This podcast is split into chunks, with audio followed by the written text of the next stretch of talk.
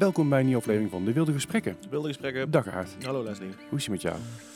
Goed, ik ben, eh, ik, wil niet zeggen zenuwachtig, maar wel een, een v- eh, Enigszins nerveus. nerveus of een, een soort van drang om het goed te doen Ja, vandaag. snap ik. Want we hebben echt een, hoe is het met jou? Sorry. Goed, goed genoeg. Ja, goed Ja, genoeg. ja. We hebben een bijzo- een bijzondere gast. We hebben Mhm. vaak een bijzondere gast, maar Zeker. hier ben ik wel echt onder de indruk. Ehm, we hebben vandaag Marieke aan tafel. Welkom Marieke. Hi. Eh Marieke, er zijn eh, geen camera's voor de eerste keer. Eh, dat heeft een bepaalde reden. Eh Marieke is ook niet jouw echte naam. Eh, waarom zijn er geen camera's en waarom ehm, hebben we jouw naam eh, gekozen om een, an- een andere naam te gebruiken, een alias? Eh, omdat ik eh, een open proces nog heb eh omtrent eh, gedwongen prostitutie eh, op minderjarige leeftijd. En voor mijn veiligheid ik er nu voor kies om niet in beeld te zijn. Dus een eh, gedwongen proces, dan hebben we het over... of, sorry, een gedwongen prostitutie, dan hebben we het over eh loverboys. Ja. zeg maar, oké. En het is heel indrukwekkend. Bedankt alvast dat je hier bent. En het, het doel van dit gesprek is, is mensen, en misschien wel vooral de jeugd, maar ook ouders, eigenlijk iedereen, informeren en voorlichten over, eh, over, over dat, dat, dat, nog, dat het heel vaak gebeurt en Mhm. eh, te vaak gebeurt. En eh, wat we eraan, eh, als we eraan kunnen bijdragen om dat te voorkomen op enigszins, dan is dat natuurlijk mooi meegenomen. Zeker, ja. Ehm, laten we beginnen bij, ehm, bij het begin. Jij- Jij bent geboren toch in Eindhoven? Ja, Ehm, zeker. Hoe oud ben je nou? Ik ben nu 26. 26. Ja. En ehm, hoe is jouw, eh, jouw leven begonnen, zeg maar? Als in, begin je verhaal, begin bij waar jij wil beginnen. zeg maar. Eh, hoe mijn leven is begonnen? Eh, ja, gewoon als ieder andere puber, tiener. Ehm, ik, eh, Was dat je op school? Ik zat op de Helicon, Helicon, in Eindhoven. ja. Ja. Ehm, en vanuit daar eh, ontmoette ik mijn, mijn eerste vriendje. En ehm, ja, ik was 13. Mhm. En ja, dat was een, een, in het begin dacht ik, oh, dan, dan hoor ik erbij als je een vriendje hebt. En ja, je doet dan mee met meidengroepjes. Eh dus ik vond het heel speciaal dat ik een vriendje kreeg. En eh, ik, vond me daar, ik heb me daar ook echt vol overgave in gestort. Hoe heb je hem ontmoet? Ehm, ik heb hem gewoon, hij, eh, hij was een bekende van een jongen die bij mij in de klas zat. Dus Ja. ja, zo is hij eigenlijk een beetje gelopen. En dan Of ga je via via? Ja, via Eigen- via. Eigenlijk zoals, Zoals normaal. zoals gewoon. relaties beginnen. Ja, Ja. en dan ga je chillen op straat en ja, nou, uiteindelijk ontstaat daar dan iets. Eh, dus ook zo bij mij. En hij was wel ouder, drie jaar ouder of zo, dus eh, hij was dan ook 16 wel en een beetje... 13. Ja, 16 Ja. en 13, dus gewoon vrij normaal Ja. allemaal. En ehm, ja, op school word je dan wel, oh jij hebt een oude vriendje, dus dan ja, heb je ook een beetje meer status. Dus daar ging het dan ook over. En vroeger was ik heel erg gepest, dus ik dacht, oh, als ik nu een beetje ja, erbij hoor, dan word ik in ieder geval niet meer gepest. Dus het had Mhm. eigenlijk twee kanten om Mhm. een relatie te krijgen. Ja. Dus, En, ja. Ehm, en toen eh, ja, vol overgave gestort in een relatie. Eh, eigenlijk niet wetende hoe een relatie eruit zou moeten zien. Ehm, hij was wel een jongen ehm, ja, met heel veel familie van het kamp. Dus hij had ook wel echt nog wel een status, zeg maar. En, Mhm. wat uiteindelijk op lange termijn erin ging leiden dat hij wel eh, binnen onze relatie ook echt super jaloers was. Echt, ja, zo jaloers dat ik niet eens alleen naar een winkel mocht of geen vriendinnen mocht hebben. En ik dacht, oh, dit hoort bij een relatie, want dit is mijn eerste relatie en ik wist ook niet echt hoe het er anders uit zou ja, zal wel moeten goed zijn. zien. Ja. Ja, nee. Ehm, En je bent natuurlijk nog steeds heel blij dat je een vriendje hebt. ook Ja. nog steeds, nog steeds. Ja, ondertussen ook eh, nog steeds op, eh, op school goed bezig. En ehm, ja, ik dacht, nou ja, dit, dit hoort erbij. Eh, dus ik heb het allemaal een beetje voor lief genomen en op zijn beloop gelaten. En ja, eigenlijk ook wel tegen niemand gezegd wat er echt speelde binnen onze relatie. Omdat ik dacht, ja, volgens mij heeft iedereen dit gewoon. Daarmee bedoel je die jaloezie. Ehm, ja, die jaloezie. En gewoon dat ik niet eh, met eh, meiden mocht appen, niet naar de stad mocht gaan. Ehm, ja, hij zei dan altijd van ja, jij, jij bent gewoon van mij, dus waarom zou ik jou delen met de rest, zeg maar. En in die zin had hij dan zoiets van ja, dan hoef je ook niet echt mijn vriendinnen weg of zo. Ehm, dus wij doen alles samen. Het ging meer van ja, wij doen alles samen, wij zijn één team, dus eh, ja, je hebt je verder niemand echt meer nodig. Ehm, Maar hij mag wel met vrienden dingen doen. ja, dat ging hij ook niet echt doen. Maar Nee. als hij wegging, ja, ik vond dat wel altijd prima. Maar Maar dat Ja. deed hij gewoon niet. n- nou, soms. Soms. Soms ging hij weg. Maar eh, meestal bleef ik dan gewoon eh, bij zijn moeder thuis en bij hem. Ja. Dus ehm, ja, en uiteindelijk, eh, ik heb een relatie gehad met hem van drie jaar. Ja, drieënhalf jaar. Mhm.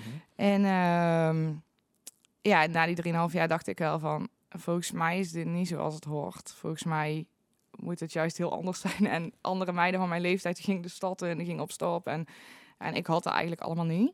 Ehm, want ja, ik was altijd bij hem. Ehm, dus ja, toen, toen besefte ik me wel van, ja, is dit wel gezond? Hij ging ook meer, ja, dat hij agressief werd in de relatie, dat hij mij meer ging slaan. Meer, eh, meer ging slaan. Ja, Hij sloeg je meer- al. ja, hij sloeg me al, ja. En hij ging mij steeds meer slaan. En toen dacht ik, ja, volgens mij hoort het niet. Ehm, en thuis was ook niet echt een hele fijne situatie. Mijn ouders lagen in een vechtscheiding. Ja. Ehm, mijn vader was eh, vreemd gegaan, dus die, ja, mijn moeder was heel verdrietig. En thuis was alleen maar ruzie. Mijn vader was ook best een agressieve man. Ehm, dus ja, dat zorgde er ook wel voor Werd dat... vanuit thuis ook geslagen? Nee, vanuit thuis niet. Maar mijn vader was wel heel agressief in de zin van... eh, als hij boos werd, dan sloeg hij... Ja, wel bijvoorbeeld mijn broer. Ehm, ja, die kon hij dan wel slaan. Dus je was, je was vanuit huis, was je wel gewend dat er geslagen werd? Ja, ja. Dus in principe, als je dan ook naar je in relatie rolde, dan had je ook niet zoiets van, wow, dat heb ik nog nooit meegemaakt. Nee, Dus, dus Nee, het was eigenlijk weer een beetje een afspiegeling van thuis. Ja. Ehm, dus daarom voelde het ook als zijnde van, ja, misschien hoort dit er gewoon bij. Ehm, ja, dus, dus zo zijn we verder gegaan. Uiteindelijk na 3,5 jaar dacht ik van, ja, nee, dit is het niet. En toen heb ik het uitgemaakt met hem. Toen dacht ik, ja, ik moet echt voor mezelf kiezen en ik moet gewoon ook een netwerk op gaan bouwen. Ik moet ook gewoon vriendinnen hebben. Hoezo heb ik dat allemaal niet? Ehm, en toen ik het uitmaakte, toen dacht ik van oké, weet je, fuck it, ik kies er dan maar gewoon voor dat hij waarschijnlijk mij gaat bedreigen, waarschijnlijk gaat stalken, eh, waarschijnlijk dat ik alleen in de, in de wereld sta, weet je wel, omdat ik niks had opgebouwd. Dus ik dacht zelf van oké, dan kies ik daarvoor eh, om dat maar aan te gaan. Ja. Ehm, en toen kwam ik eigenlijk weer een beetje thuis wonen bij mijn ouders, die dus echt in, een- ja, in een vechtscheiding lagen. Want ik woonde eigenlijk voornamelijk bij hem. eh, op jonge leeftijd al, dat ik meer daar was als thuis. Om eigenlijk thuis te ontvluchten. Ja. Maar ja, dus ik moest weer terug naar huis. Ehm, en toen ik thuis aankwam, dacht ik van ja, ik wilde daar ook eigenlijk niet zijn. Ik, Nee. wilde, ik had daar ook niet echt mijn plek. Ik voelde me daar ook niet echt veilig of ja, vertrouwd. Of eh, er was een warme arm om me heen of een knuffel. Dus ehm dat zorgde er eigenlijk voor dat ik en op zoek ging naar nieuwe vriendinnen. En dus veel meer eh, naar buiten ging rondhangen. Eh, uiteindelijk was ik klaar met mijn VMBO-opleiding. Eh, had ik afgerond en toen moest ik naar het MBO. En toen dacht ik, oké, shit, ik weet eigenlijk helemaal niet wat ik wil in mijn leven. Ik had er Mhm. eigenlijk nog helemaal niet over nagedacht. Zoals iedereen eigenlijk. Zoals iedereen. Dus ik dacht, nou, dan kies ik volgens mij de voor de hand liggende opleiding. Dat was zeg maar de opleiding waar je niet bij na hoefde te denken, waar je gewoon naartoe kon gaan. Waar iedereen eigenlijk naartoe ging, omdat ze geen keuze hadden gemaakt. Mhm. Dus ging de detailhandel in. Oké, ja. Mag je in je, zak- mag je in je zak steken als je Ja. de handel hebt gedaan? Ja, werken in de winkel. Dat was zeg Ja. maar echt zeg maar de... Ja, en dan op de sterrenlaan. Dus ja, het, het was een beetje dat ik dacht, oké, dan maar de B-keuze of zo. Omdat ik niet wist wat ik wilde. Eh, Veilige keuze. Een Klinkt- veilig, klinkt ja, liever. ja, dat klinkt liever. Inderdaad, een veilige keuze. Ehm, dus toen ben ik eh, detailhandel gaan studeren, verkoopspecialist. Toen kwam ik in een kledingwinkel te werken. Ehm, in eh, Eindhoven en in eh Nune onder andere. En daar ja, begon eigenlijk een beetje zo mijn tocht van het ontdekken van... oké, wie ben ik nou? Waar sta ik voor? Wat wil ik in dit leven? Eh, vriendinnen opbouwen, eh, werken voor mijn eigen centjes. En omdat ik meer op straat ging hangen, kwam ik ook in aanraking met ja, meiden en jongens die drugs gebruikten. Eh, en er waren eigenlijk allemaal jongeren van mijn leeftijd die allemaal uit gebroken gezinnen kwamen, die ja, op straat dan hun. Vriendenkring vormden. Gelijkgestemde. Gelijkgestemden, ja, met allemaal wel een beetje dezelfde ervaringen of ja, ook wel dingen die, die dan thuis spelen. Ja. Ehm, dus toen kwam ik voor het eerst in aanraking met drugs. En eh ja, eerste jointje en eerst pilletje. En nou ja, daar ging bij mij al vrij snel eh, wel snel verder. Omdat ja, ik wilde eigenlijk van thuis alles vergeten. Ik wilde ook Ja. een relatie achter de rug hebben. Ik wilde eh, daar niet mee bezig zijn. Ik wilde gewoon in mijn eigen bubbel leven of zo. En Ja. ja, drugs was echt op dat moment wat ik denk ik dan nodig had of zo. Ja. en dan voel, dan voel je geen pijn, geen verdriet. Juist, ja, om alles eigenlijk gewoon eh, af te schermen. Ehm, maar ondertussen was ik nog wel werkzaam in een kledingwinkel. En eh, ja, gebruikte ik ook daar steeds meer drugs, zeg maar. Dat ik wel onder invloed naar het werk toe ging. En... Hebben we het dan over, over pillen of cocaïne? Nou ja, meer of, eh, blowen heel de dag. En eh, later ook wel echt eh, speed. Ehm, ja, dus dan stond ik wel echt onder invloed op de werkvloer. Ehm, Maar wel functioneel. ja, wel functioneel op dat moment wel. Eh, omdat, ja, dat hield me overeind. Dat hield me... Mhm. Eh, dat ik wel gewoon de maatschappij in kon gaan. Of dat ik ja, mijn eigen zekerder voelde op, op bepaalde momenten. mm, Ja. Ehm, en ik ging dus ook wel, mijn schoolprestaties gingen ook wel echt zwaar achteruit. En eh, ik weet ook nog wel dat ik op, eh, op de opleiding gesprekken kreeg met de zorgcoördinator. En dan dacht ik, ja, dan, dan keek ik die vrouw aan en dan dacht ik, ja, ik weet niet, maar ik ken jou net drie keer. Ik ga niet heel alles openleggen wat er speelde of zo. Dus Mhm. ik wist ook wel haar een beetje te manipuleren. Ehm, achteraf als ik op terugkijk, denk ik, ja, het is heel stom natuurlijk om iemand te manipuleren. Want je zit er voor jezelf. Maar Ja, maar op zich, op zich logisch en het milieu waar je uitkomt. Ja, Ja, ja, Heel wantrouwen naar dingen toe, want er gewoon heel veel dingen gebeurd zijn, lijkt me. ja. En ik dacht ook echt, als ik vertel van, eh, ja, ik, eh, ik gebruik drugs of zo, dat ik dan niet meer door mag gaan met de opleiding. En Hmm. dan zou, me, zou mijn thuisfront erachter komen. En dan was het ook weer ellende. Dus ik had al voor mijn eigen soort masker een muur opgebouwd. Dat ik dacht, nee, hier breek je niet doorheen. Mhm. En eh, ik vertel wat ik wil vertellen. En ja, ik kijk wel hoe het uitpakt. Ehm, en toen eh, werkte ik in de, in de kledingwinkel. De zoveelste dag dat ik eh, eigenlijk daar wel onder invloed eh, in de, stond te werken. En op een dag kwam daar een man binnen. En eigenlijk was ik al die tijd al wel een beetje op zoek naar een soort vaderfiguur die ik thuis niet had. Of, Mhm. of bepaalde liefde of bepaalde warmte die ik eigenlijk al die tijd al wel miste. Mhm. Ehm, en hij kwam binnen als een doodnormale klant. Voor ieder ander zou die gewoon een doodnormale klant zijn. Voor mij was hij op dat moment ook gewoon een doodnormale klant. Die vroeg gewoon naar kleding. En, eh, maar uiteindelijk raakte ik in gesprek met de man. En eh, ja, meer over het weer en over wat hij nodig had aan kleding. En eigenlijk heel normaal. Eh, en die dag vertrok hij ook gewoon weer naar een drie kwartier of zo in de winkel te zijn geweest. En later is hij vaker teruggekomen. En hij bleef ook steeds vaker terugkomen, eigenlijk op de dagen dat ik werkte. Mhm. Ehm, en zo ging ik ook steeds meer met hem praten. Raakten we steeds meer in gesprek met elkaar. Ehm, gingen we het steeds meer hebben over wie ik was als persoon. Of wie hij was als... Mhm. eh, En hoe, hoe oud was je op dit moment? ik was op dat moment 16, ze- 17. En hij was? Bijna 17. Eh, hij was al wel ouder. Hij was eh 28 toen. Oké, Dus eh, wel wel flink verschil op dat moment. Oké. ja, op dat moment wel. Maar ja, je, je voelt je dan ook wel gezien als iemand keer op keer blijft terugkomen voor Ja, ja, je. snap ik. En eh, ja, ik voelde me daar ook wel heel speciaal door. Ja, snap ik. Nou, het is, honger, honger maakt rauwe bonen zoet, hè? Ja. Dus als jij, eh, eh, ja, je voelt een vorm van waardering. En, en in een soort van, Ja. in een wereld waar je nergens eigenlijk erkenning of, of bevestiging krijgt, eh, pak je maar alles aan, Ja. denk ik, hè? Ik bedoel, ik voel Ja. het nou even zo in voor jou, maar ik, ik kan me voorstellen dat je dan denkt van, hé, hey, dus hij komt er binnen. En dan denk ik van, hé, hey, hij toont interesse in mij, oprechte interesse in Ja, nou ja, precies ook dat. En ik dacht ook, oh, op een gegeven moment dacht ik, oh, hij komt altijd op de dagen dat ik werk. Dus het, het was ook een beetje dat ik dacht, oh, hij, hij komt gewoon voor mij. Dat is best speciaal, toch? Ja. En hij is ouder, dus dan, ik dacht, oh, dat is ook heel interessant. En Ja, ja, ja dus eigenlijk ging het zo. En dat gebeurde, langzamerhand ging dat steeds meer. Uiteindelijk hadden we echt wel ook lol in de winkel. En hadden we ook echt wel leuke gesprekken. Ehm, toen hebben we nummers uitgewisseld. Zijn we na werktijd eh, vaker gaan afspreken. Eh, hij wist wel dat ik drugs gebruikte. En hij zei, ja, dat is geen enkel probleem, want dat doe ik ook. Dus dan maakte voor mij de stap ook wel makkelijker om bij hem overlijk drugs te gebruiken. Mhm. Ehm, en dat gebeurde dan ook echt wel als wij eh, samen gingen afspreken. En ik denk na een maand of twee, drie... eh, ja, toen dacht ik echt wel van, oh, misschien wordt ik wel gewoon verliefd op deze jongen of zo. Mhm. Of Mhm.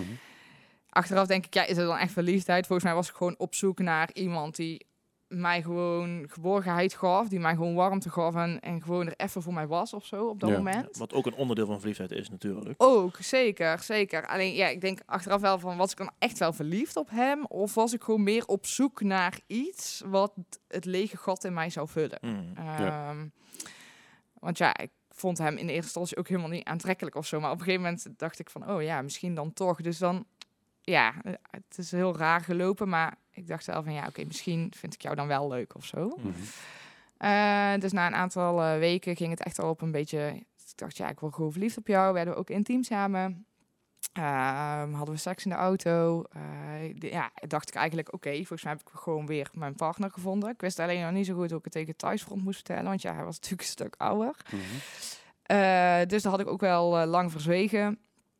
Ehm, en uiteindelijk, ja, werd hij ook... Hij beloofde mij altijd heel veel dingen, zeg maar. Dat ik van, ja, jij bent echt eh, de wereld voor me. Je bent echt eh, mijn prinses. En ik zorg voor jou en het komt allemaal goed. En als je drugs nodig hebt, laat het me weten. Want ik kan er goedkoop aankomen. Ja, toen gingen natuurlijk alle poorten open. Want dat was waar ik op dat moment alleen maar voor leefde. Ik werkte om mijn drugs te betalen. Ja. Mhm.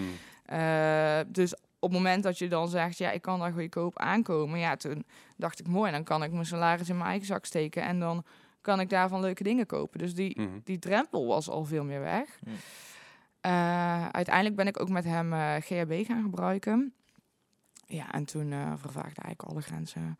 Op het moment dat ik dat ging gebruiken, ehm, ja, was de wereld zo anders voor mij. Ik was GHB wordt vaak ook gebruikt om mensen te verkrachten, toch? Ja. Dat, is, dat is- vaak als, Ja. als ze zeggen van er is iets in mijn drankje gedaan, dat meisjes zeg maar knock-out zijn gaan, dingen Ja. gedaan die ze niet weten, dat is vaak GHB. Klopt, Ja. klopt. Ja, je gaat er ook al oud van, eh, naarmate hoeveel meer hoeveelheden je gebruikt natuurlijk. Ehm, en voor mij was het ook echt dat ik in zo'n roes kwam, dat ik gewoon, dat de wereld gewoon om me heen veel mooier werd dan dat het in werkelijkheid gewoon was. Ik was gewoon echt helemaal van de kaart. En, Als je eh, gebruikt. ja, Ja. zeker, zeker. Ehm, dus daar ging ik, en het is super verslavend, echt mega verslavend. Als je het één keer gebruikt, ja, dan is het, de stap naar de tweede keer is zo genomen. Ehm, Dus ja, ik heb dat ook echt al heel vaak gedaan. Uiteindelijk werd dat ook wel mijn grootste verslaving, GHB.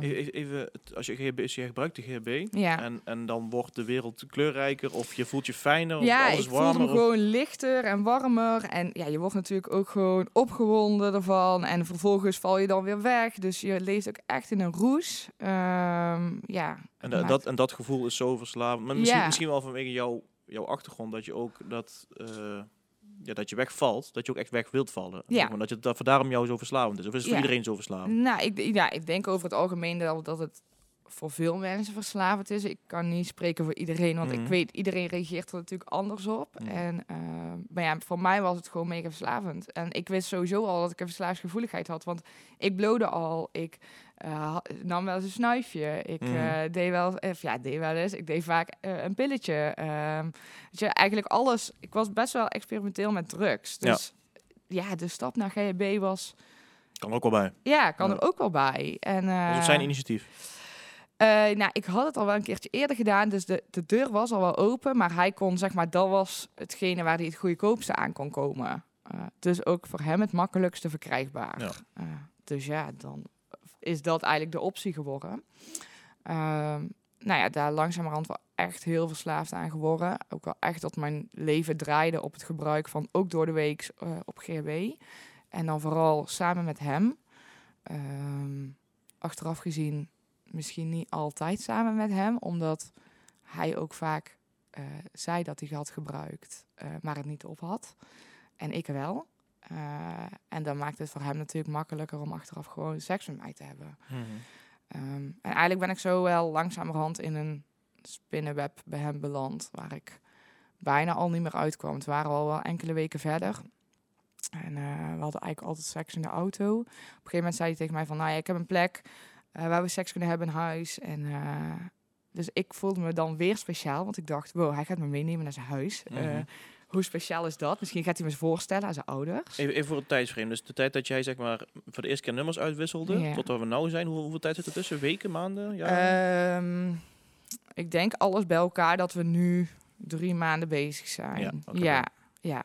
Ehm, en ik was 17 inmiddels. Ehm, en ja, ik, hij, hij zei dan van, hij beloofde me eigenlijk altijd alles. Mhm. En ehm, ik denk dat dat de woorden waren die ik op dat moment nodig had. Die ik op dat moment nodig had. Ik had nodig dat iemand mij zag. Ik had het nodig Ja. dat eh, er iemand voor mij opstond. Dat er iemand om mij gaf. Die, iemand die, er, die zijn eigen over mij ontfermde, zeg maar. Dat had ik de, nodig. De basisbehoefte voor ieder kind eigenlijk. Ja, ja, die ik thuis eigenlijk niet kreeg, Nee. omdat ik daar steeds meer aan het wegvluchten was. Ehm, Dus uiteindelijk eh, nou, naar het beloofde huis. eh, wat hij zei, hij zou mij dan erop komen halen. En daar ophalen, dat zag er ook altijd een beetje idioot uit achteraf. Want er gebeurde altijd op de hoek van de straat. En ik had altijd wel weer thuis een smoes klaar liggen dat ik met de bus zou reizen. Of met de fiets zou gaan. En de fiets zou dan op. Ja, weet je, die zette ik dan weer in een andere wijk neer. En, maar eigenlijk werd ik altijd met de auto opgehaald. Ehm, dus ook die avond ging ik met hem mee. Eh, was hier in Eindhoven naar een huis. En eigenlijk ben ik in dat huis bijna niet meer weggekomen. Eh, vanaf dat moment eh, heb ik daar inderdaad met hem seks gehad. Eh, alleen het was niet een mooi huis ingericht met een mooie woonkamer. Maar meer een complex met een trap naar boven waar verschillende kamers waren waar gewoon bedden stonden. Ehm, en eigenlijk op dat moment heb ik seks met hem gehad. En hij zei van als je seks met mij hebt of als je seks hebt met mijn broer, dan krijg je daarvoor een ruil GHB. En daar waren ook al al mijn grenzen vervaagd. Omdat ik dacht, ja, ik moet aan GHB komen. En Mhm. hij kan er niet meer aan komen. Alleen als ik er iets tegenover zet. En hij zei ook van, ja, het maakt niet uit. Je blijft toch altijd van mij. Dus ik heb daar geen problemen mee. Eh, doe het maar. Ehm, en onder invloed heb ik daar wel op toegestemd. Mhm. Eh, vervolgens is ook seks met zijn broer gehad. In de ruil daarvoor GHB gekregen. Dat was natuurlijk mijn hoofddrugs die ik nodig had om überhaupt te kunnen functioneren. Mhm. Ehm, nou, in hoeverre je dan functioneren noemt natuurlijk. Maar Ja. voor mij was dat mijn basisbehoefte geworden. Mhm. Ehm, ja, en eigenlijk ging dat steeds verder. En toen kwam er ook echt wel agressie weer ach- eh, bij kijken. Ook echt wel dreigementen. Ook echt dat hij zei, als je vanavond niet komt... eh, ja, dan, dan krijg je geen drugs meer. En ik, en ik hou dan niet meer van je. En ik geef dan niet meer om je. En dan ben je weer alleen. Dus ja, het was echt wel manipulatief ook hoe hij mij aan het bespelen was. Mhm. Ehm, en eigenlijk na die ene avond ja, zijn zo alle grenzen vervaagd dat ik ook echt zo bang voor hem was geworden inmiddels. Ook zo onder druk gezet was. Hij wist inmiddels waar ik woonde, waar mijn familie woonde. Hij zei ook van, als je vanavond niet komt opdagen, als je niet staat waar ik je gaat ophalen, dan eh, weet ik je familie te wonen. Ik weet eh, hoe ik je onder druk kan zetten. Ik weet, je weet dat ik hun ook iets ga aandoen. Hij zegt, je Mhm. weet wat ik in huis heb, dus je weet dat ik hun ook pijn kan doen als jij niet komt.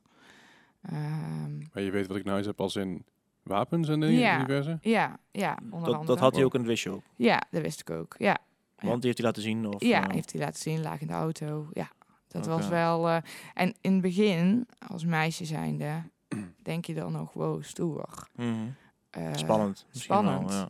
Maar achteraf gezien denk ik, hoe stom. Dus, Ja, ja. eh, hoe breng je je eigen nog meer in gevaar, zeg maar. Dat ding dat kan afgaan. En, en, en of het nou echt was of, of nep was, ik- dat, weet je, ik zie dat niet. Eh, Ja, maar, ik weet dat het er wil was. wil je ook niet lopen. Nee, zeker niet. En ik weet ook gewoon dat hij daarmee dreigde. En, en ook dreigde van, ik ga je familie iets aandoen. Mm. En eh, de angst nam het zo meer over van überhaupt het gezien worden door hem. Dat Mhm. alles eigenlijk gebeurde onder, sowieso onder invloed. Maar ook echt onder dat ik dacht, ik was zo bang voor hem om daar Mhm. weg te gaan. En ik voelde me ook zo ontzettend schuldig tegenover mijn ouders. Mhm. Dat ik dacht, wow, ik breng niet alleen mezelf in gevaar. Kijk, dat ze mij afknallen, prima. Mm. Ik heb mijn leven verpest, dat dacht ik.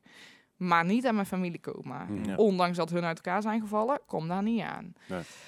Ehm, ja, en dat zorgde er eigenlijk wel voor dat ik eh, op de plek waar ik toen eh, door hem naartoe gebracht ben, waar ik met hem seks heb gehad en zijn broer eh, seks heb gehad, eh, avond aan avond heb gewerkt. En hij continu mannen regelde die betaald, eh, betaalde om seks met mij te hebben. Ik was toen 17, minderjarig. Je mag dan niet werken. Ehm, je werkt dan gedwongen. Ehm, ja, en ik heb nooit geld gezien. Nee. Nooit. Ik heb altijd drugs ervoor gekregen. Eigenlijk alleen maar voor hem was dat nog makkelijker, want dan was ik onder invloed. En dan stribbelde ik ook niet tegen. Dan schreeuwde ik ook niet. Of dan, eh, dan kon er alles met mij gedaan worden. Ja.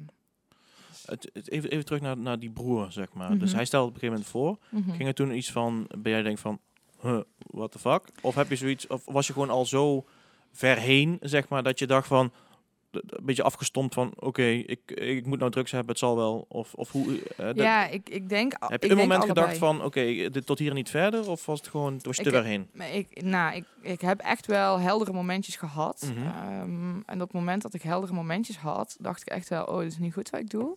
Eh, waar ben ik nou in beland? Maar ik durfde er ook met niemand over te praten. Dus ik moest het ook voor mijn gevoel zelf uitzoeken. Eh, en ik had ook echt niet echt een netwerk opgebouwd waar ik echt naartoe kon gaan. Ik had ook niet in de tussentijd echt goede vriendinnen opgebouwd. En ik dacht ook, als ik dit vertel, komen hun ook in gevaar. Dus er hing voor mij zoveel aan vast om niet eh, mijn eigen daaruit los te maken. Ehm, dat ik voor mijn gevoel ook niet echt een keuze had om weg te gaan. Ondanks dat ik ook wel echt heldere momenten heb gehad. Maar, ehm, en als ik dan onder invloed was, dan dacht ik van ja, laat het maar gewoon zo snel mogelijk gebeuren. Doe mijn ogen dicht. Ik wil nu gewoon klaar zijn. Hmm. Ehm, dus het, het was continu een wisselwerking. En ik merkte ook echt dat mijn lichaam gewoon zo kapot aan het gaan was. Geestelijk was ik gewoon helemaal moe. Lichamelijk was ik echt uitgeput. Ik was ook echt heel veel afgevallen. Ehm, ja, ik, ik kon ook niet opboksen tegen zijn geweld. Of tegen zijn agressie. Of tegen de angst die hij had gezaaid om mij heen. Hij sloeg je ook? Ja. Of, eh, gewoon Ja. van... Zeker, ja. En, en was, dat- was dat zeg maar, als je iets fout deed? Of was het gewoon af en toe eh, om je angst in te zaaien, zeg maar? Of, eh, Eh, allebei. Eh, als ik bijvoorbeeld tegenstribbelde, eh, Wat je wel deed? Ja, wat ik wel deed, dan werd ik geslagen. Ehm, of ook wel om pure angst te zaaien. Wat bedoel je met tegenstribbelen? Als in van, ik ga vandaag niks doen, ik ga vandaag geen seks hebben? Of dat je was het bezig en dat je dan, dat je dan wilde stoppen? Of wat? Nou, in de zin van, ik, wil, ik kan niet meer, ik wil niet meer, ik wil Ja. wel stoppen. Maar ook dat ik bijvoorbeeld niet wilde opkomen draven als hij mij ging ophalen. Weer ergens op de hoek van de straat. Eh, dat ik dan zei van, eh, oh ja, maar ik ben daar niet, ik kan niet, ik heb echt iets te doen. En dan zei hij, je hebt helemaal niks te doen. Ik weet precies wat jij te doen hebt en jij staat daar over een kwartier klaar. En dat ik dacht, ja, en nu dan? Wie, wie gaat mij Helpen. helpen? Ja. Ehm, dus het was wel echt twee kanten. Ook op het moment dat ze daar hij mannen had geregeld of klanten had geregeld en ik niet wilde. Ook dan eh, duwde hij mij toch de kamer in, kwam ik daar niet uit. Ja, dus het was en op het moment zelf en ook toen hij mij kwam ophalen avond aan avond. Jezus. Ehm, hoe lang heb je in deze situatie gezeten? Een half jaar. Ja, een half jaar echt dat ik heb gewerkt in de gedwongen prostitutie. Hoe ben je eruit gekomen? Ja, Of, dat, of, of, of- ja, hoe gaat het verhaal nou verder, zeg maar? Hoe gaat eh, het nou? Eh, ja, niet heel eh, rooskleurig. Ik kwam thuis nadat ik eh, een avond seks had gehad eh, met verschillende mannen. En eigenlijk zoals iedere avond eh, ging ik gelijk de douche onder, zat ik daar mijn eigen af te spoelen. Ehm, en eigenlijk op dat moment dacht ik echt... Het enige waar ik aan kon denken was, ik wil dood. dat Ja. was eigenlijk het enige wat ik dacht. Ik dacht, als ik nou dood ben, dan gaat hij niet achter mijn familie aan. Ik ben niet meer zijn inkomstenbron. En ik heb dan ook geen pijn meer.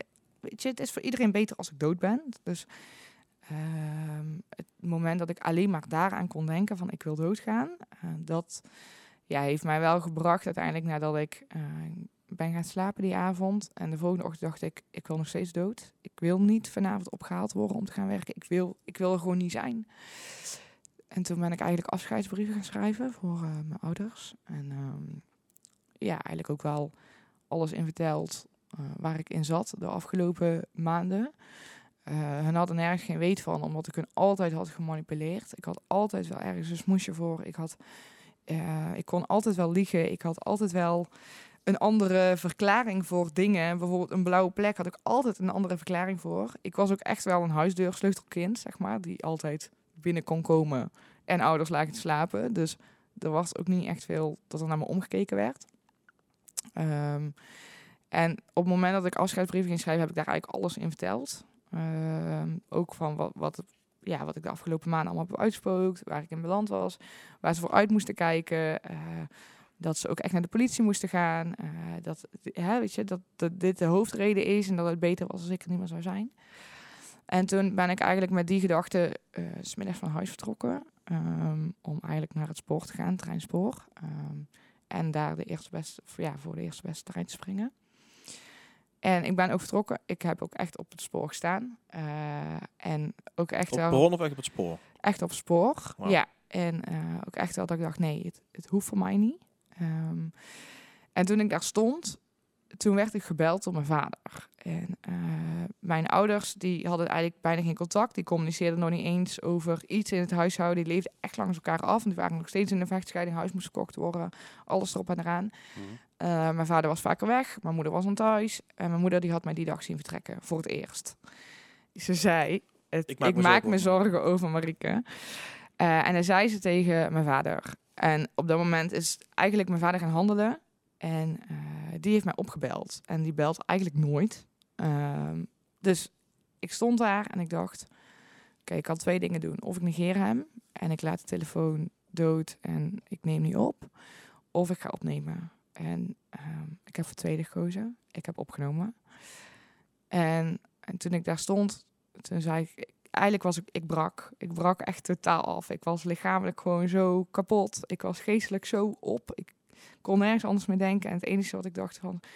Ik zei ook tegen ik schreeuwde eigenlijk tegen mijn vader van... Ja, en dit en dat. Ik heb dit meegemaakt en ik ben echt een stommerik en een sukkel. En ik breng jullie in gevaar en ga alsjeblieft weg. Kies voor je eigen veiligheid. Het is beter als ik er niet meer ben. En waarop mijn vader zei... Ga alsjeblieft daar weg. En ik kom jou nu halen. En uh, ondertussen had hij uh, de politie ingeschakeld. En die zijn mij samen met mijn vader uh, bij het spoorweg komen halen. En ehm, eigenlijk is die avond alles in een heel een sneltreinvaart gegaan. Toen is er gekozen dat ik uh, per direct uh, ging onderduiken. Uh, per direct weg uit de situatie. Ik vanaf dat moment geen telefoon, niks meer. Ik moest weg. dat was eigenlijk het enigste veiligheidsplan. En een blijf van mijn lijf was ja lief leuk bedacht. Maar daar staan ze ook aan de deur. Dus dat was ook geen optie. Um, en toen kwam mijn vader met de optie van oké, dan, dan vertrek je naar uh, je nicht in, uh, in Friesland. Ver weg van alles en iedereen. Um, dus ik ben die avond gegaan, uh, vertrokken met koffers. Mijn vader heeft me daar afgezet. En ik dacht, oké, nu ben ik veilig. Nu kan ik gaan denken aan mezelf. En dat is natuurlijk een beetje naïef, want ik was super slaafd. En dan zit je daar zonder drugs. Dus ik kreeg echt mega afkikverschijnselen. Um, wat er uiteindelijk voor zorgde dat ik niet heel lang daar uh, kon blijven wonen. En er gekozen is dat um, in samenspraak met mijn vader uh, en mijn familie van oké, ze kan hier niet blijven. Het is ook hier te gevaarlijk. Ze heeft afkikverschijnselen. Er moet meer zorg komen. En toen heb ik een spoedaanmelding gekregen bij uh, een kliniek. En daar ben ik eigenlijk direct opgenomen geweest. voor een half jaar lang, intern. En eigenlijk was dat het enige moment waar ik me toen echt veilig voelde. Ik kwam daar binnen en en, en hun zeiden ook tegen mij van, je bent zo op. Uh, ik moest dan ook weer opnieuw aan de drugs om uh, gecontroleerd af ja, te bouwen. Ja, ik, snap. Uh, ik moest gaan werken aan mijn uithoudingsvermogen. Ik was echt super veel afgevallen. ik moest ook echt bijgevoed worden. nou ja, ik had super veel trauma's. Ik kon echt met niemand communiceren. Ik, ik was voor iedereen bang geworden. Ik kon alleen nog maar in een hoekje zitten. Um, en eigenlijk met hun samen, met een heel team van echt wel hele fijne mensen, zorgverleners. Uh, hebben we een half jaar lang gewerkt eigenlijk aan mijn herstel. Uh, in mijn afbouwen naar mijn verslavingsgevoeligheid, werken aan mijn trauma's. Uh, ik heb echt, nou ja, honderd verschillende therapieën wel gehad. Van hypnotherapie tot EMDR tot, nou ja, van alles. Ehm, en daar voelde ik me ook wel echt veilig. Dus ik heb daar ook wel echt de kans gekregen om weer aan mezelf te werken en ervoor te gaan. En in de kliniek had ik geen contact met mijn ouders. Um, mm. En terwijl ik daar zat, dacht ik wel van ja, wat, wat wil ik nu eigenlijk? Ik liep ook wel een beetje einde traject. Um, en ik dacht, ja, ik wil heel graag terug naar mijn moeder. Um, mijn vader was inmiddels weg. Die uh, ja, was met de Noorderzon vertrokken. Die heb ik ook eigenlijk tot op de dag van vandaag niet meer gesproken. Oké. Okay. Die, uh, ik denk dat hij het niet aan heeft gekund, zeg maar, dat zijn dochter zo is afgegleden.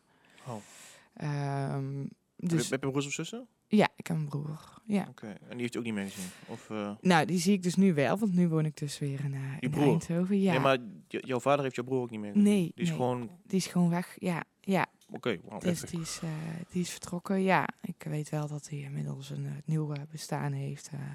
Met een andere vrouw en kinderen. Um, maar ik heb geen contact met hem. Nee, nee. Dus eigenlijk vanaf het moment dat ik in de kliniek zat, heb ik al geen contact meer met hem. Okay. En um, dus ja, de drang naar een ouder is zo groot eigenlijk als je eigen zo eenzaam voelt. Um, dus ja ik, ik, ja, ik voelde ook echt dat ik naar mijn moeder toe wilde. Ja. Um, nou, en de kliniek heeft daar wel mee ingestemd, maar wel echt met: oké, okay, maar hoe gaan we dit goed neerzetten? Um, dus ik was daar op uh, 4 december uh, uitbehandeld. Um, En toen op 5 januari stond ik hier in eh, Eindhoven met mijn gepakte koffertjes. Met een heel terugkeerplan hadden we gemaakt. Eh, Mhm. Nieuwe zorgverleners hier in Eindhoven, waar Eindhoven erbij betrokken. Ehm, zorgverleners van het GGZE erbij betrokken. En zo eigenlijk gaan werken aan, oké, maar hoe kan ik dan nog op de plek waar van mij alles is gebeurd, hoe kan ik hier nog überhaupt functioneren? Mhm. En in de eerste maand ging het echt vrij goed. Want ik dacht, oh, ik kwam er allemaal aan. En ik wil weer terug bij mijn moeder. En ik kon weer lekker filmpjes gaan kijken met haar. En ik had hulpverleners om me heen. En het ging goed. Dat dacht ik. Ik dacht dat ik wel alles aankon. Maar de stap bleek zo groot te zijn achteraf. ehm, dat ik ook wel na een maand eh, kreeg ik weer een terugval. En ik ging weer blowen. Eh, ik werd ook wel weer angstiger. Ik kreeg ook veel meer herbelevingen. Eh, ja, ik had echt alweer last van al mijn klachten. Trauma's. Ja, van al mijn trauma's ook. Ik uh, s'nachts dat ik niet kon slapen, omdat ik dan overal aan terugdacht, herbelevingen kreeg. Ehm, en toen is er gekozen voor een opname op de paasafdeling Ja. eh, in het ziekenhuis. En daar kwam ik toen terecht eh, voor twee weken. En dat was eigenlijk een soort van algehele time-out. Gewoon eh, Ja. dat ik er echt uit moest. En vanuit toen zijn we gaan werken aan eh, weer een terugkeer naar kind- en jeugdpsychiatrie op het GGZ-terrein. Toen heb ik daar mijn traject gevolgd. Dus de paasafdeling is toch psychiatrische acu- acute zorg, toch? Ja, ja, ja. Ja, ja het was Ja, ook echt Voor de luisteraar misschien handig. Oh ja, ja, volgens mij heet het nou HIC. HIC, High Intensive Care, Oké. zoiets. eh, Ja, nee, maar het is goed om te weten. En Zeg eh, maar acute zorg voor... acute zorg, ja, gewoon echt als je echt een time-out nodig hebt. Ja. Ehm, dus die heb ik toen gekregen. En vanuit daar eigenlijk weer gaan werken aan, oké, en hoe nu verder?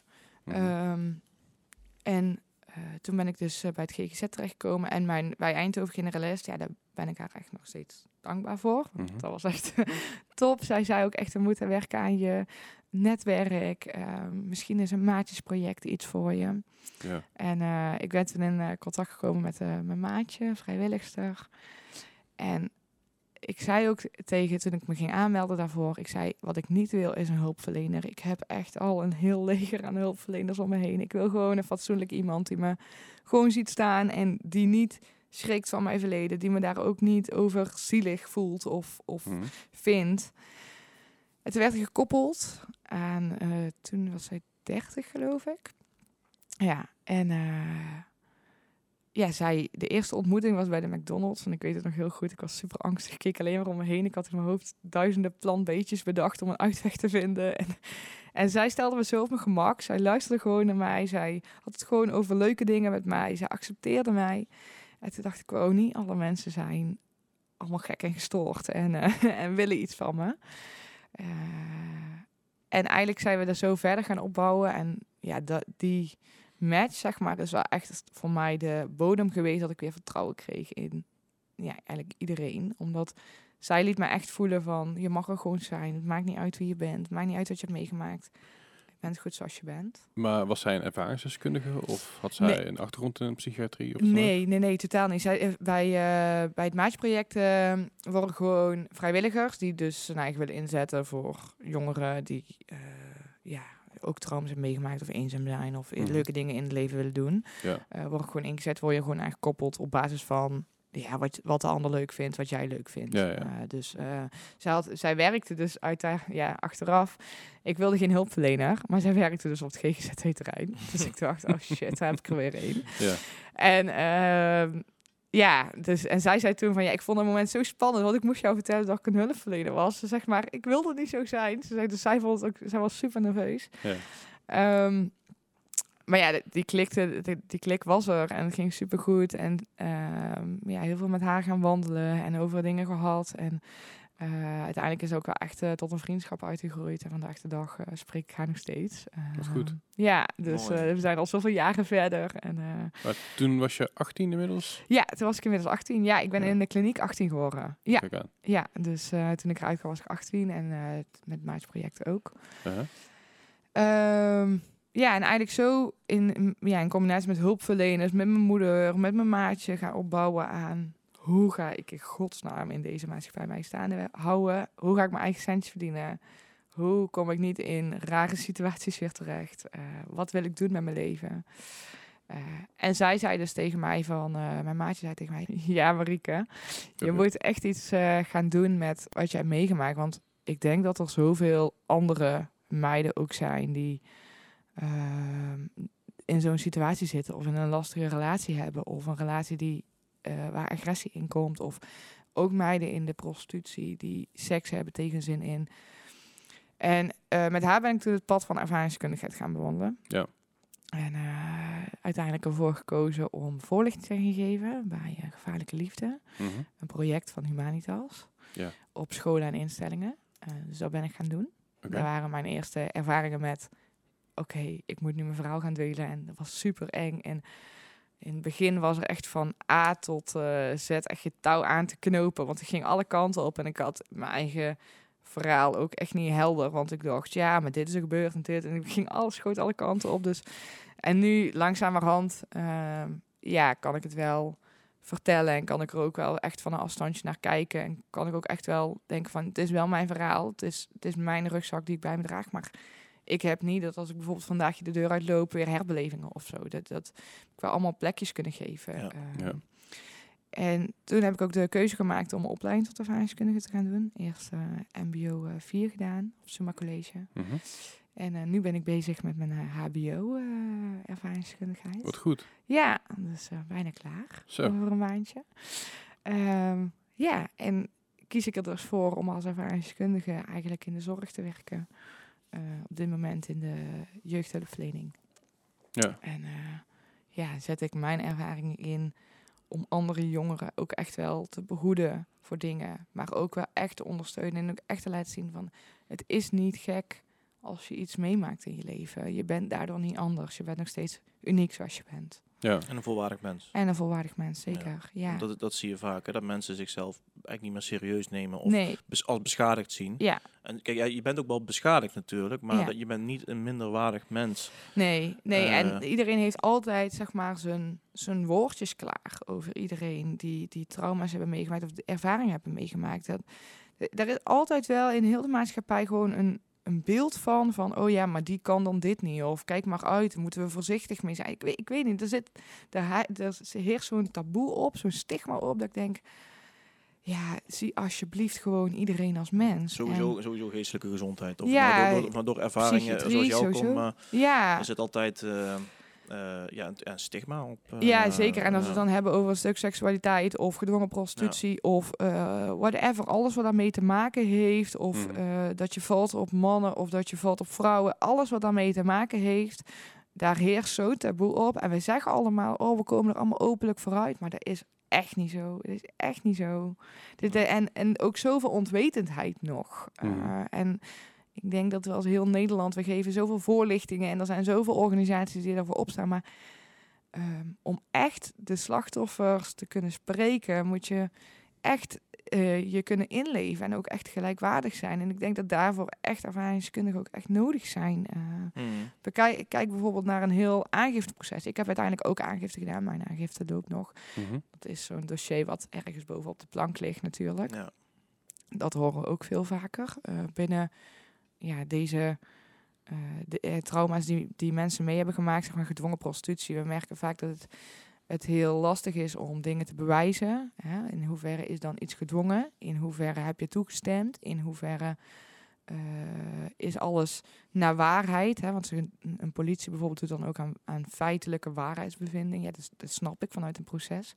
Maar voor een slachtoffer voelt het altijd alsof je zo ondervraagd wordt, alsof je niet geloofd wordt. Dus dan durf je ook bijna geen aangifte meer te doen, omdat je dan bang bent van ja, maar jullie geloven me toch niet. Ja, ja. Dus daarin- Niet serieus genomen wordt. Juist niet serieus genomen wordt, of er worden zo indringende vragen gesteld dat je je eigen gewoon schaamt voor wat je hebt gedaan. Dus Mhm.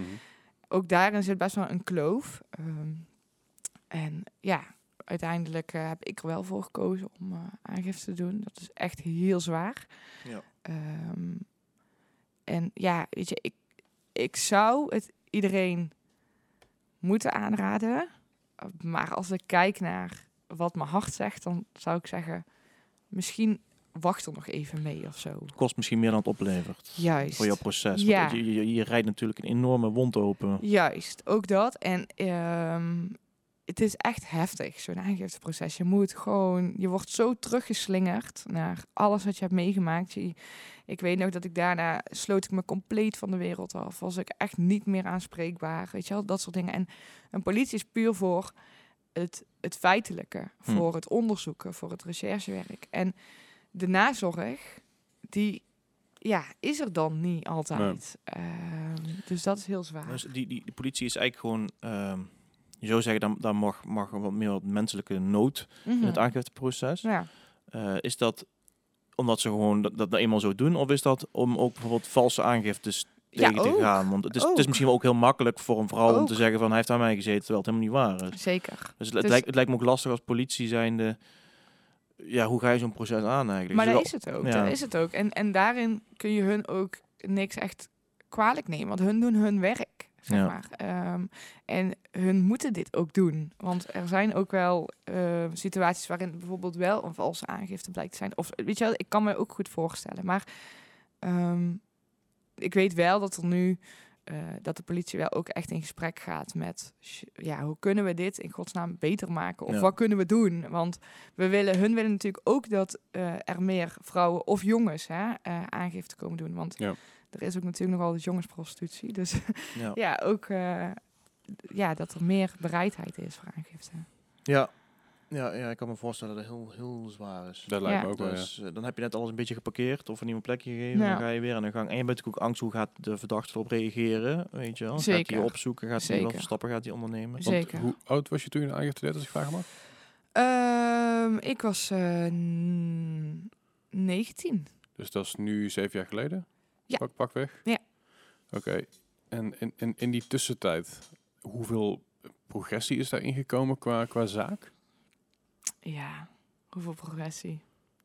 Eh, Is dat, is dat niet heel? Zijn ze ermee bezig geweest? Of? Ze zijn er zeker mee bezig. Ja, ja, ja, ze zijn Ja. zeker mee bezig geweest. Alleen op een gegeven moment dan stagneert het. Hè? Als je op een gegeven moment ja. geen dader hebt dan, eh, of een dader is gevlucht, eh, ja, dan houdt het ver op. Je, je zegt het Ja. een beetje gefrustreerd lachend, zeg maar. Eh, Ja. is, is, is dat richting de politie of is dat richting gewoon van ja, het is gewoon zo. Maar is, is, is, is, is zo weinig progressie, is dat een, een, een gevolg van dat er zoveel zaken zijn dat ze niet genoeg mankracht hebben? Of is het gewoon een hele moeilijke zaak?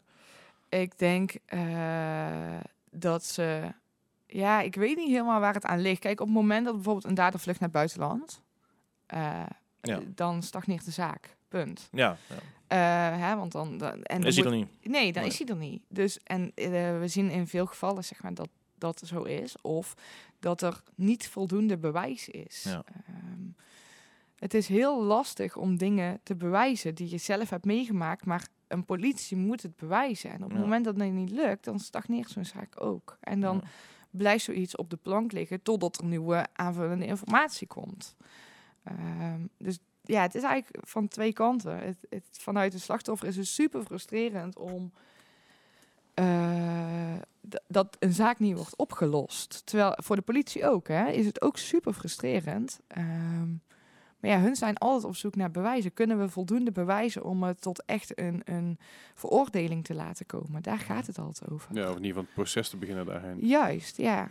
en eh, op dit moment, eh, nou ja, soms praat ik in wij, maar op dit moment ehm, ehm, zit ik bij eh, een platform. Platform Hoop eh, is opgericht in eh, september. Mhm. met tien ervaringskundigen. Allemaal eh, slachtoffer geweest van gedwongen prostitutie of echt zieke relaties of ehm, eh, seksueel misbruik.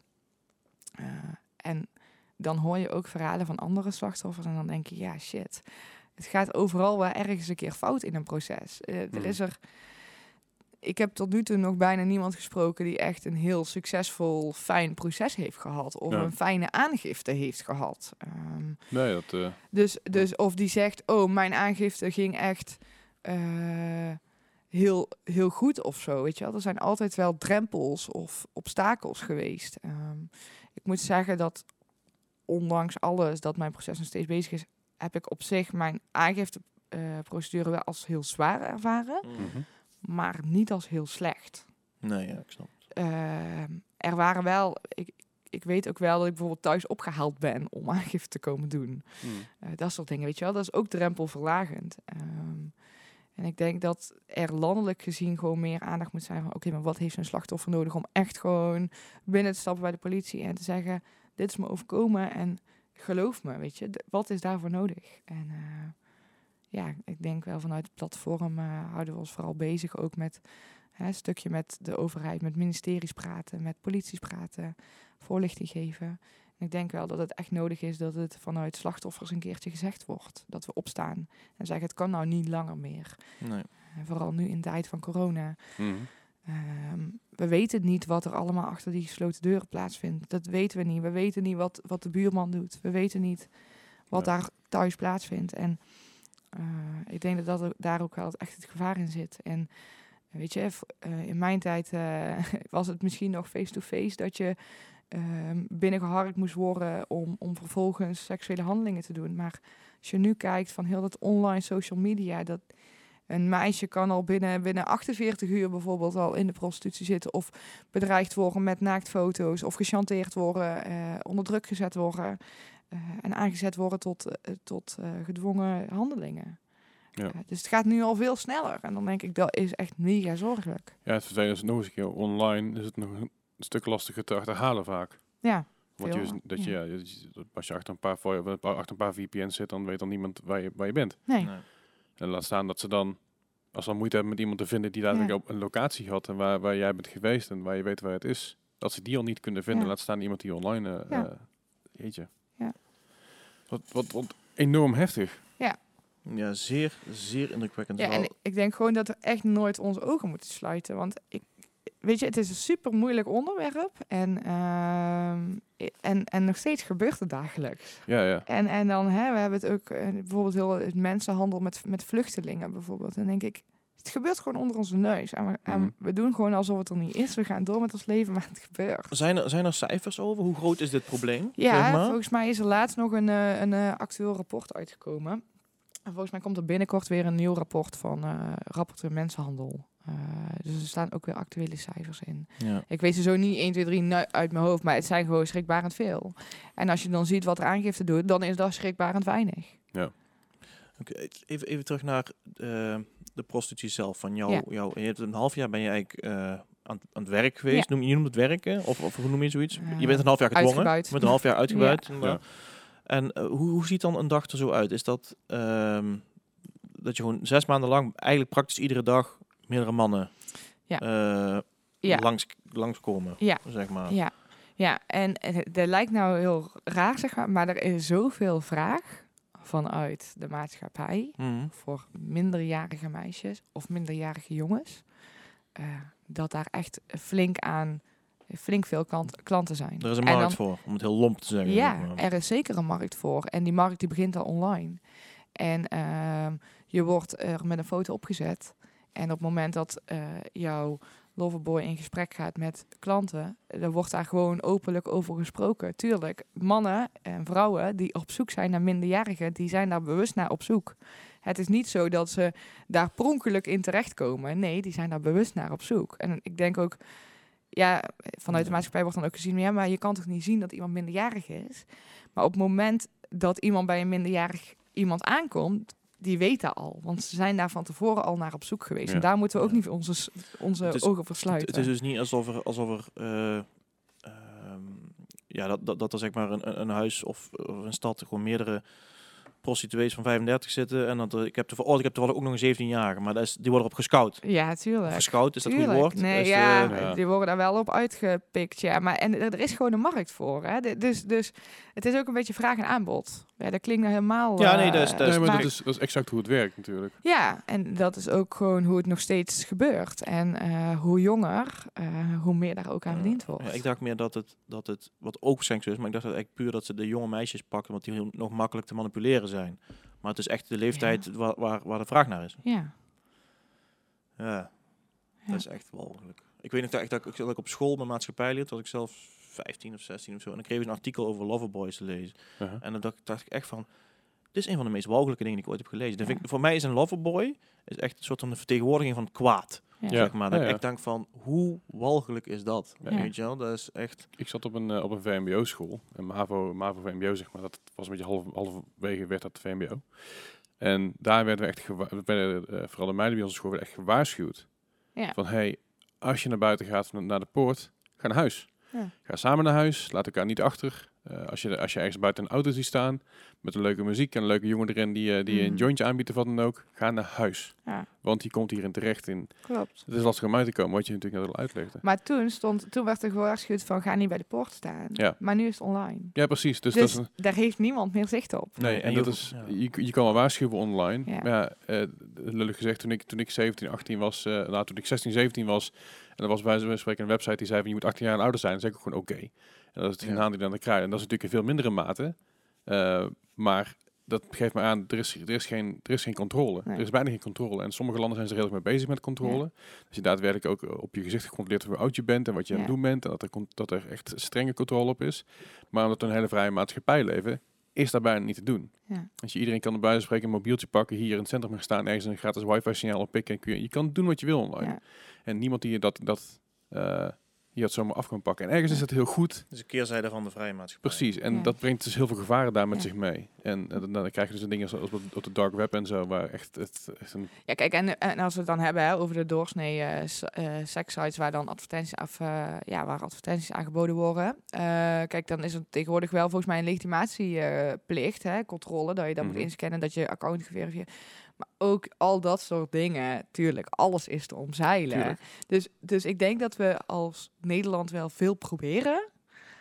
Ehm, maar we er nog niet daadwerkelijk in slagen om ook het echt aan te pakken. Ja, maar kijk, is het, ook- het is natuurlijk wel goed dat dat, dat, dat, dat wel, eh, dat ook die sites daar ook niet bij stilstaan. En als je het op een gegeven moment manoeuvreert, dat het ook echt naar het criminele gaat, Ja. zeg maar, dat dit is een legit sekssite. Kijk, Ja. mensen Mhm. vinden seks fijn en Ja. die porno is zo oud Ja. als, als, als de mensheid, dus Ja, daar heb ik niks op tegen. Eh, maar als je het dan ook echt naar het criminele circuit pusht, eh, dat wel de drempel misschien hoger maakt. Ja. Dus, dus is- ik denk dat het niet alleen dat het ook wel goed is dat het ontwikkelt, maar Ja. ja, bij iedere eh, reactie heb je een tegenreactie natuurlijk. Ja, Eh, ja maar, en daar is het ook. Hè. Je moet continu afwegen. En weet je, het is goed dat we er gewoon allemaal voor gaan staan. En dat we allemaal opstaan. En dat we er allemaal eh, iets aan gaan doen. Eh, maar eigenlijk alles heeft altijd een keerzijde. Maar ja, weet je, niet geschoten is altijd mis. En ik denk, ik vind het juist goed dat we wel echt iets proberen. Hè, want we kunnen ook gewoon niks proberen. ja. Het, het voelt heel erg zo van, we, we proberen van alles, maar op het moment dat er één ding afgenomen wordt, dan is het meteen, ja, nee, dat kun je niet maken. En dat, Ja. dat, dat voelt altijd een beetje heel erg Nederlands. ja, Hoe, ehm, hoe, wat, wat zou jij de jeugd eh, mee willen geven? Misschien men- meiden die in jouw positie, eh, zoals jij in de positie hebt gezeten, die nou in die positie zitten, als stel ze luisteren toevallig. Of juist misschien meiden die nog niet zoiets hebben meegemaakt, maar wel luisteren en denken van, die zullen er kwetsbaar voor kunnen zijn. Die hebben een gebroken gezin, voelen zich niet veilig. nou ja, weet wil je voor waken? Of wat wil je ze meegeven? Nou, ik wil vooral jongens en meiden. eh, want ik denk dat En, ik- uiteraard, jongens, jongens, ook, ja. ook, echt niet eh moeten onderschatten hoe kwetsbaar die kunnen zijn. Ehm, maar ik denk dat ik hun wil meegeven van zorg alsjeblieft dat je gewoon blijft wie je bent, zeg maar. Mhm. En zorg dat je weet waar je voor staat. Weet wat je grenzen zijn. Weet wat je te brengen hebt als unieke, uniek persoon, unieke Mhm. jongere. Ehm, en eh, weet wat je, ja, wat, je, wat, je, wat je grenzen zijn, wat je wel en niet wil, waar je echt niet overheen wil gaan. En zorg altijd voor een gezond netwerk. Ik denk dat dat het allerbelangrijkste is. Als er een loverboy of een pooier of mensenhandelaar ergens een bloedhekel aan heeft, is het een gezond netwerk. Ja, mensen die gewoon zeggen, doe eens normaal. Nou ook, maar als het gezonde netwerk om iemand heen zit, dan is het veel moeilijker om iemand te, in, in te isoleren. Veel moeilijker om iemand af te sluiten. Ja. Want dan is er een netwerk wat zich bemoeit met het kind. Meer sociale controle. Maar Ja, kijk, juist, iemand, ja. bijvoorbeeld een meisje die, die eh, weinig vrienden heeft, of een Ja. jongen, sorry, ja, die, die weinig vrienden heeft, die heeft dat niet. Nee, klopt. En, en dat is, dat is gewoon, iemand die moeite heeft met vrienden maken, die Ja. kan dat natuurlijk niet. En als die ook nog een keer de ouders eh, niet, niet, niet beschikbaar zijn, is natuurlijk heel lastig. Maar ik denk dus dat de voorpreventie al begint op de scholen. Ja. Omdat op het moment is dat daar geconstateerd wordt dat iemand bijvoorbeeld weinig netwerk heeft. Of een, niet een goed netwerk heeft. Of het thuis niet lekker loopt. Dat er daar gelijk op ingestoken moet worden. ja. Eh, Dus een zorgcoördinator of juist, eh, ja. een vertrouwenspersoon. ja. Maar het is ook heel- vaak ook reactionair, hè? Dus van als je problemen hebt, kan je naar aan toe gaan. Maar ja, iemand als jou, die gaat daar niet Nee, heen. ik heb Nee, mij het is die zorgcoördinator die ik kreeg. Toen dacht ik, nou ja, ik... Ja. eh, En het is natuurlijk ook, eh, wat wil je vertellen? Hè? Dus het is, ik raad ook gewoon alle eh, meiden en jongens aan van, weet je, zit je in zo'n situatie, wees alsjeblieft, hoe spannend het ook is, hoe eng, hoe je, je weet niet hoe het gaat aflopen, maar ja, probeer iets weer te geven. Probeer iets te vertellen, weet je wel. Dat, dat, Mhm. dat er misschien een klein beetje signaal opgepikt kan worden. Ja. En hoe lastig dat ook is. ehm, maar ja, en je hebt ook niet... Ik heb ook niet op een presenteerblaadje wat je dan precies moet doen of zo. Ik denk dat het echt gaat over gelijkwaardigheid, vertrouwen. Ehm, ga niet iemand beoordelen. Want als je iemand beoordeelt... In mijn situatie, ik heb al genoeg vooroordelen gehad. En als je er nog meer aan me gaf, dan ging ik bij jou uit de buurt en dan kon Ja. je niet meer met mij in contact komen. Heb je die documentaire gezien van eh Joanneke uit de prostitutie? Ja. Ja, daar is, dat is een persoon die helpt mensen uit de prostitutie, prostitutie te komen. Mhm. Nou, kijk, als jij dat wil doen, moet je dat lekker zelf weten. Maar gedwongen prostitutie. Ja. Eh, hebben jullie ook een stichting of eh, iets? Stel, iemand die, die zit erin, of denkt van dit is met mij aan het gebeuren, en die luistert nou. Waar moeten ze heen? Welke site, welke stichting, welke organisatie? Wat moeten ze doen om eruit te komen? Ja, er zijn superveel organisaties, maar bijvoorbeeld hier in Eindhoven weet ik dat het expertise team eh, eh, van Lumens, expertise team seksualiteit, eh, mensenhandel van Lumens eh, in Ja. Eindhoven. Mhm. Je hebt natuurlijk Comensa, je hebt eh, Pretty Woman, eh, CKM, je hebt echt van alles. Ja. dus Ja, je, je kan bij wijze van spreken bij Dynamo al binnenlopen om daar geholpen te worden. Zeker, ja, ja, ja. En ik weet hier in Eindhoven is nu ook eh, sinds kort eh, een inloop voor ja, jongensprostitutie geopend. Ook van Lumens. Dus ook dat. Ehm, ja, ik denk hetzelfde als dat je bijvoorbeeld, stel je zit met suïcidale klachten, dat je googelt op 113, hè, suïcidepreventie. Dat je dit ook hebt met wat moet ik doen als ik gevangen zit in een relatie. Ja, Dan precies. plopt er En, en, van allerlei en organisaties op. elke wijk in Eindhoven en omstreken hebben allemaal een buurtcentrum. Juist, Al die buurtcentra zijn direct gekoppeld aan Lumens. ja. En Lumens die doet natuurlijk wat je zegt Juist. ook heel veel dingen Ja. daarmee. Ja. Dus je kan in principe ook gewoon je buurtcentrum binnenlopen en Juist. daar aan de bel trekken. Ja, en ook, eh, weet je, en eh, ook de apotheek, hè. Eh, Er is ook een, een code hè, bij de apotheek die kan zeggen, masker 19 geloof ik. hè. Die Ja. gaat dan wel over geweld, maar ja, gebruik dat ook. Ja, ja, precies. Je- De- je- al dat ja. soort signalen gebruik die. Ja. En, In principe zou je dus zeggen, google het. Ja. Maar doe het wel voorzichtig, want als je gecontroleerd wordt, dan... Ja, ja als, je, als je telefoon bijvoorbeeld wel gecontroleerd wordt, ja, dan, Ja. dan wordt dat natuurlijk wel een ander verhaal. Ehm, ja, en dan heb je natuurlijk zo'n zo'n wijkcentrum, zo'n apotheek. eh, huisarts aan zich. huis, ja, huisarts aan zich. eh, iemand in vertrouwen nemen. Ja, zijn, Maar ook- maar ook bijvoorbeeld zo'n ja, ook bijvoorbeeld zo'n maatje, hè, ehm, eh, waaraan bijvoorbeeld een, een Wij Eindhoven je kan aanmelden voor een maatjeproject, eh, waar je misschien wel nog bij kan komen. Hè? Dat Ja, zijn kleine dingen, maar zeker weten. Aart, heb je nog een afsluitende vraag? Of ben, of ben je er zo? Nou, ehm, het- je, je, je noemt een paar keer ook jongens, zeg maar. Ja. Doe, doe ik de jongensprostitutie tekort door eigenlijk voornamelijk over de vrouwen te hebben? Of, of ja, is, dat denk ik wel. eh, is, er, is er een... eh, Maar het is beeldvorming, Ja, hè? Mijn, mijn beeld, en da- daarom is dit ook een stukje voorlichting natuurlijk, en daarom wil ik die vraag nog even stellen. Eh, mijn beeld is, ja, dat er zullen vast wel jongensprostituties zijn, maar het, voornamelijk zijn het vrouwen. Ehm, maar dat is niet zo. Ik denk, nee. Nee, ik denk dat we daarin, eh, het is nu 2021, ik denk dat we daar onze ogen echt niet meer voor mogen sluiten. Nou, mogen ze, het is niet dat ik het sluit, maar het is Nee, gewoon, ik heb ook niet zoiets van, eh, het, het zal wel, maar gewoon, ik denk er niet zo over na. Nee, maar dan heb je vooral jongensprostitutie. Bijvoorbeeld, kijk naar de gay scene. Ja. Eh, hoe lastig is het voor een jongen om uit de kast te komen? En wat als die onder druk wordt gezet en bijvoorbeeld niet geaccepteerd thuis wordt, Mhm. misschien vanwege cultuur, dat je niet op mannen mag vallen en vervolgens Mm. daarin gedwongen wordt. Dus Ja. dat is ook al manipulatie. En- bijvoorbeeld, En, natuurlijk een stukje vertrouwen ook als je, als je niet uit de kast durft te komen. Maar iemand, wat je zegt, iemand komt de winkel binnengelopen en Ja. haalt je er wel uit en neemt je heel erg juist in, in, die, in die vertrouwensrol. ja. dat is natuurlijk al hartstikke Kijk, ik wil eh, voornamelijk benadrukken, kijk, mijn situatie ging echt face-to-face. En nu, je hebt ook alle vluchtelingen die naar Nederland komen, die geen status hebben, die hier niks hebben. Mhm. Hoe makkelijk zijn die onder druk te zetten? Ja, Hoe ja, ja. makkelijk zijn die binnen te harken? En daar zitten heel veel jongens tussen. En eh, ook heel veel meiden. Dus ik denk dat het dan een beetje... eh, ik denk dat jongens misschien nog minder... eh, Jongens zijn minder zichtbaar. Ik denk dat die nog meer onder de radar zitten. Van mij weten we het al heel veel jaren, hè, dat die Ja. eh, aangezet worden tot, tot prostitutie. En ik denk dat het nu pas echt aan het licht begint te komen van... oh ja, maar we hebben ook nog de jongens. Ja. Ehm, en we zien ook, ja, er wordt ook wel echt gezien dat... het is ook heel lastig voor om jongens te bereiken, bijvoorbeeld ook in bijvoorbeeld stuk aangifte. Maar ik denk dat onder de radar, alles wat in, de- in het, in het eh, dark side eh, gebeurt, dat, daar Mhm. ook, dat het allemaal gelijk oploopt. Wauw.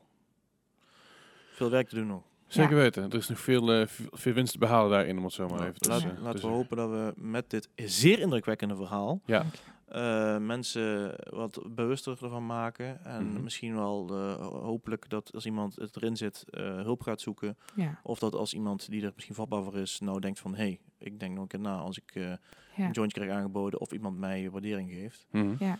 Maar het is, het is lastig. zeker. Ja. Eh, Het is heel lastig inderdaad. Bedoel, op scholen kun je vaak aan terecht bij je mentor en dat soort, dat soort Ja. dingen natuurlijk. Dus Ja. trek vooral in de bel op het moment dat je denkt, dit gaat, dit gaat de verkeerde kant op. Want eh, Ja, voor je het weet zit je in een situatie waar je dus eh, moeilijk uitkomt. En stuur in godsnaam nooit naaktfoto's naar mensen die je niet kent. En eigenlijk ook niet naar mensen die je wel kent. Want je weet, het internet stays forever. Ja. Maar wat je in je privérelatie doet, ja, dat zijn in principe niet mijn zaken. Maar het, het, is, het zorgt er echt voor dat je chantabel bent. Dat Ja. mensen kunnen zeggen van, als je dit nou... eh, je denkt, eh, als je, als je heel verliefd bent, en dan denk je van... eh, ja, maar hij doet dat niet. Hij doet dat niet door. Dat doe ik echt voor hem. Ja, maar En dan, dat is, dat is, als je verliefd bent, liefde maakt blind, hè? Dat is een cliché, maar is wel waar.